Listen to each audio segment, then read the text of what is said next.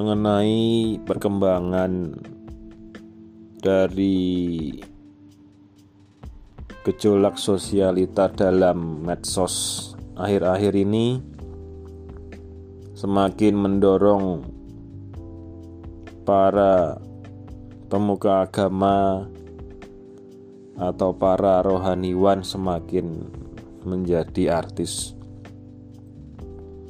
Pekerjaan berat kerjaan kerajaan surga itu selayaknya tidak diperjualbelikan, tidak diduitin. Pada rekaman saya sebelumnya sudah menyinggung hal sekolah teologi yang membuat gelar-gelar jabatan-jabatan duniawi secara logos dan dikenai biaya yang tinggi ataupun sangat tinggi. Ya, akhir-akhir ini saya mendengarkan seorang petinggi gereja yang dipakai Tuhan. Saya mendapatkan suatu tanda dia dipakai Tuhan. Namun banyak orang yang dipakai Tuhan itu pun suatu ketika keluar dari suatu garis keseimbangan di mana akan semakin tidak imbang dan adanya penyimpangan. Dahulu pernah terjadi pada seorang pemuka agama di Semarang yang besar. Saya sempat juga mendoakan beliau secara langsung. Nah, di kini di medsos lagi populer yang bicaranya dengan pendengar puluhan ribu dan mulai memperjualbelikan kabar-kabar mengenai kerajaan sorga dengan limited dengan tiket sekian rupiah. Saya rasa bukan saya rasa sih sebenarnya. Menurut pengamatan saya sudah mulai akan terjadi penyimpangan dan oleh karena itu semoga bisa refleksi diri. Ya contoh-contohnya banyaklah para agen surga yang terlalu banyak publikasi dan akhirnya mencari uang, mencari dana dari hal-hal kerajaan surga. Penyimpangan dimulai dari ketika mulai tertarik dan ngikut arus dunia ini.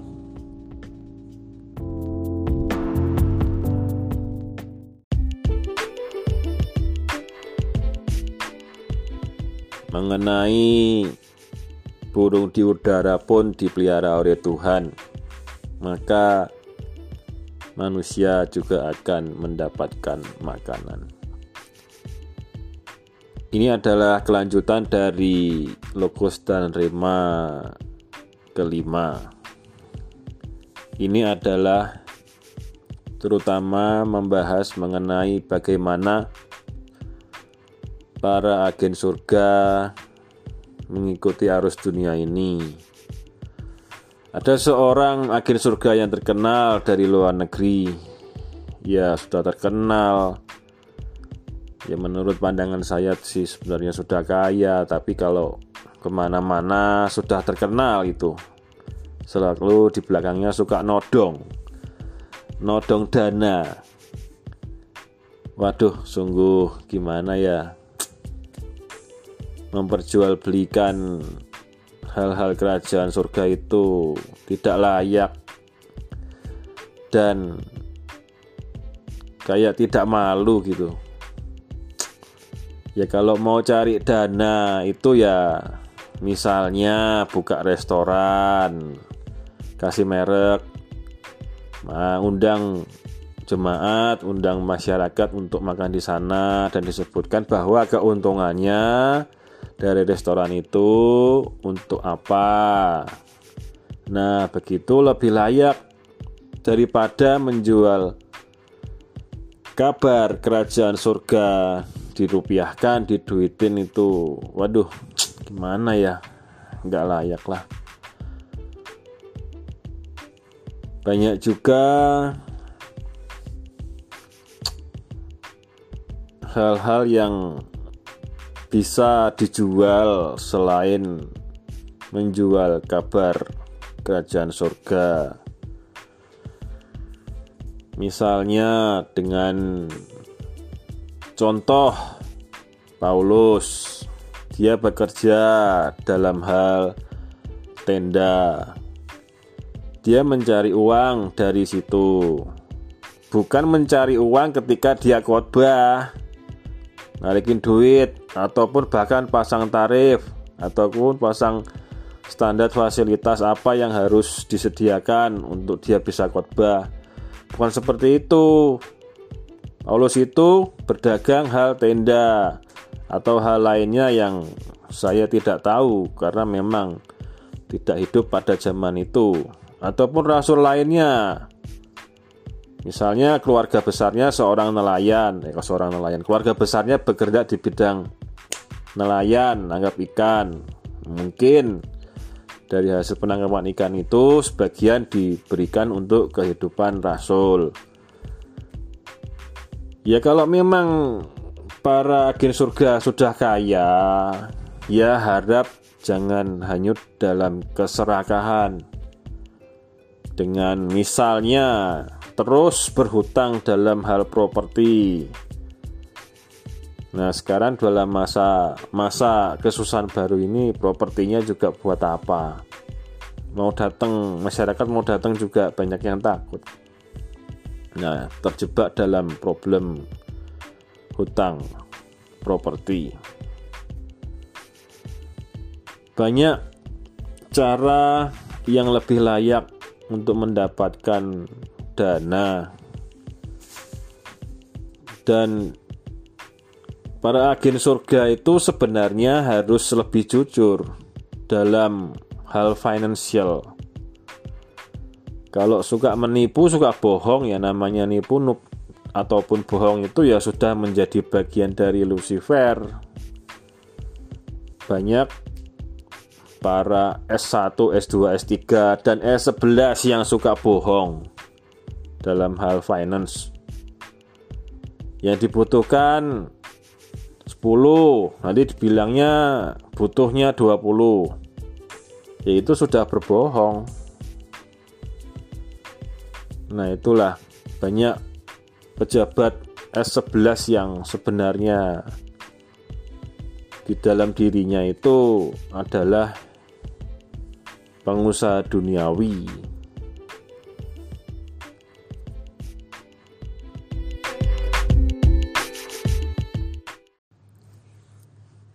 Mengenai godaan dalam pewartaan kerajaan sorga. Setiap manusia yang pernah berjumpa dengan Isa Al-Masih mengingin ada suatu keinginan untuk mengabarkan hal tersebut. Untuk mengabarkan perjumpaan dengan Isa Al-Masih adalah hal yang wajar sebagai manusia. Karena memang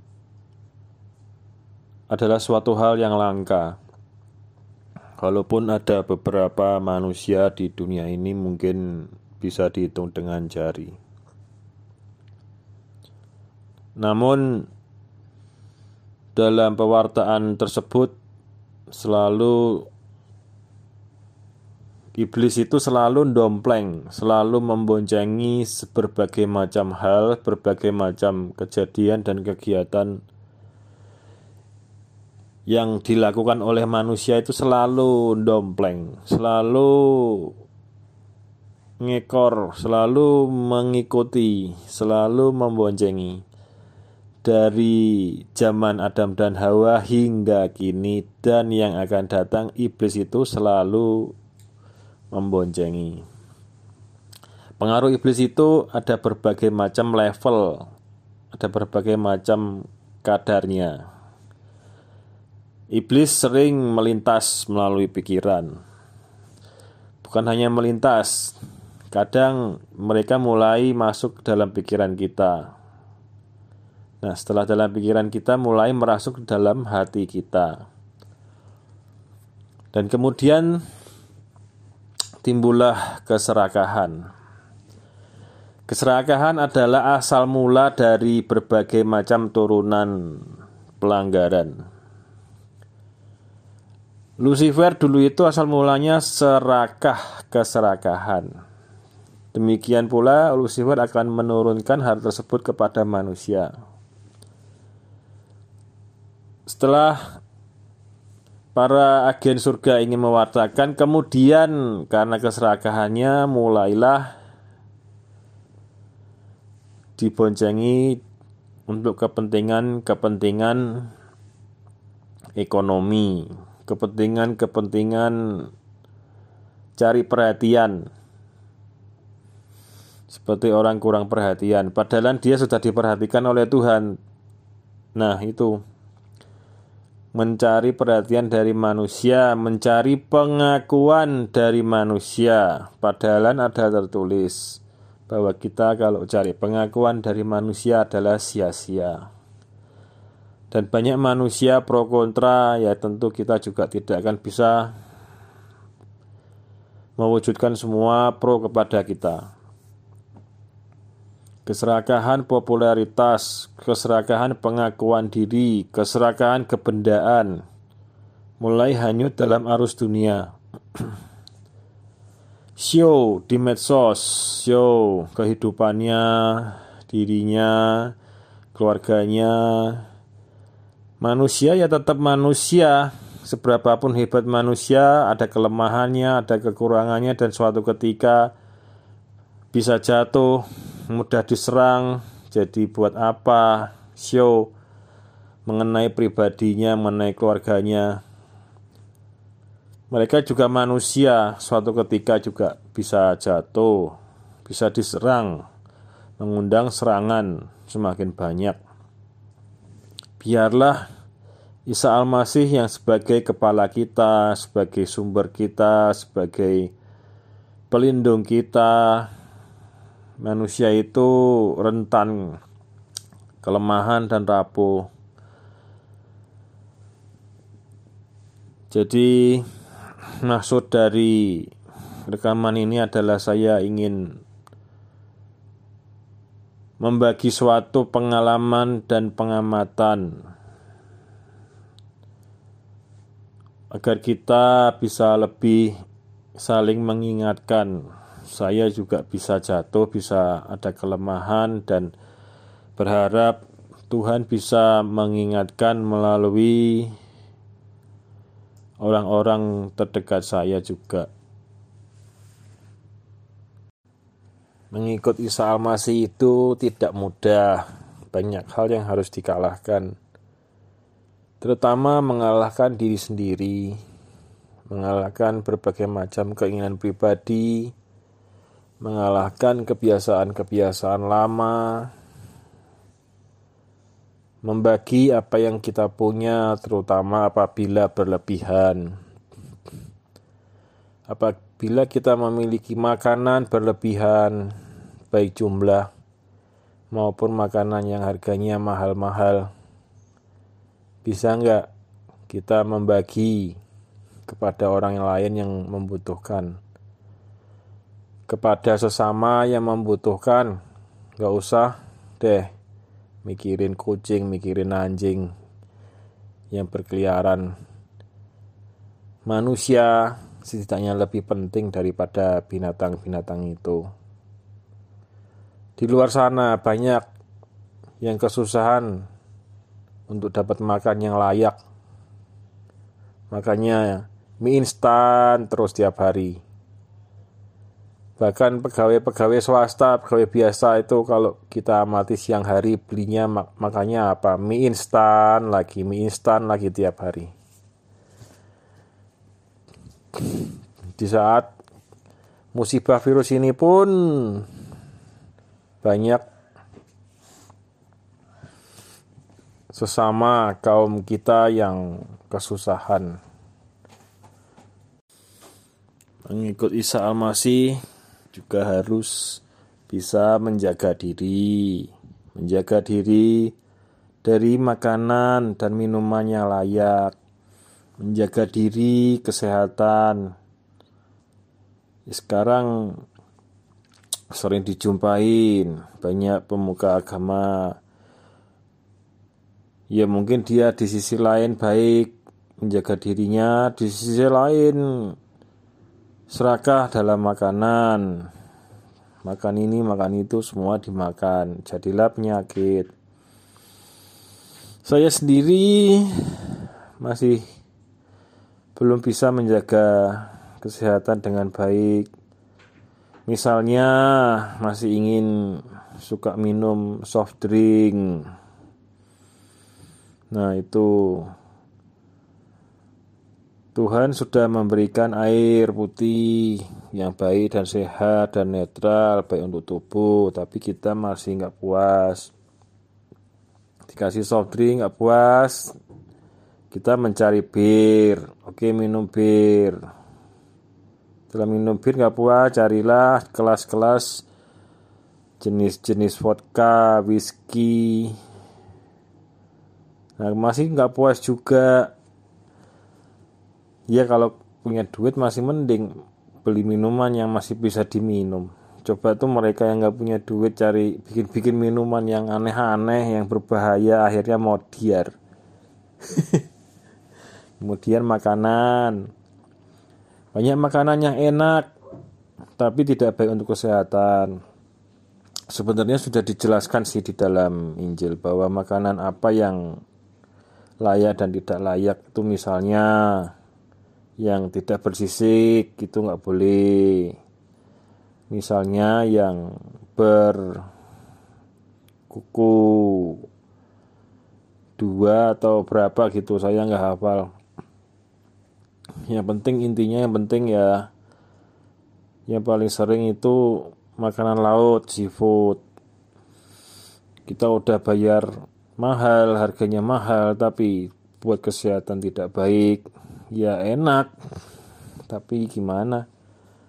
Semua yang enak-enak itu banyak yang menjadi suatu jebakan menjadi suatu alat saring alat selektor di dunia ini. Kita harus hati-hati. Harus punya rem bisa ngerem. Ngerem logika kita ngerem keinginan kita ngerem pengeluaran kita Makanya belilah rem yang kualitasnya bagus.